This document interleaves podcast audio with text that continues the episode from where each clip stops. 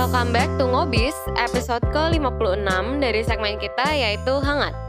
Bersama dengan ambience hangat dan topik-topik hangat yang akan dibicarakan. Balik lagi nih kita akan ngebahas semua berita-berita hangat di Indonesia yang terjadi pekan lalu.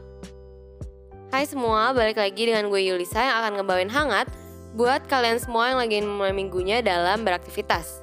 Bakal guna banget nih buat kalian yang ketinggalan berita, nyari deh konten, atau buat bahan ngobrol kalau ketemu orang nanti. Dengerin aja berita hangat dari teman startup untuk bisa up to date dengan berita kekinian yang ada. Hai founders, nggak kerasa ya kita udah di bulan November aja nih. Semangat ya untuk kalian yang beraktivitas, jangan lupa makan sehat dan vitamin juga. Oke langsung ke berita pertama. Berita pertama kita datang dari bank ternama di Indonesia yaitu BCA.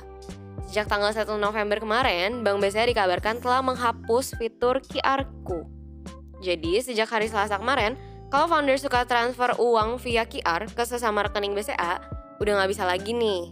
Jadi kalau kalian udah pernah save QR rekening BCA, nomor rekening BCA-nya otomatis udah ke save di list daftar transfer kok.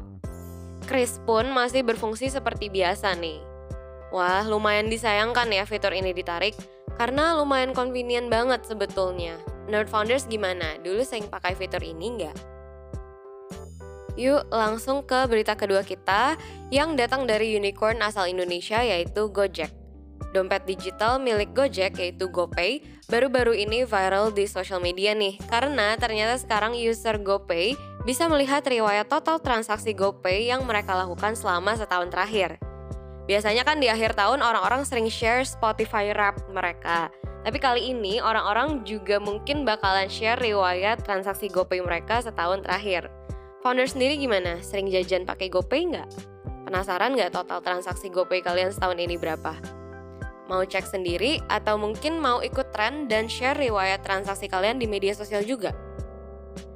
Kita lanjut ke berita terakhir kita yang datang dari perusahaan asal Amerika Serikat, Amazon. Dikabarkan kalau perusahaan asal Cina, Huawei, baru aja menggugat Amazon nih. Detail pasti gugatan Huawei terhadap Amazon masih belum pasti, karena gugatan dan hasil dokumen legalnya masih menunggu hingga 8 Desember mendatang. Tapi kelihatannya gugatan Huawei ini akan berhubungan dengan hak patennya Kindle. Wah, penasaran gak sih founders detail gugatannya sebetulnya tentang apa sih? Kita udah sampai di penghujung recap berita hangat dari minggu lalu. Kalau founders punya berita-berita hangat lainnya, boleh nih DM kita di Instagram teman startup untuk diangkat dalam berita hangat minggu depan.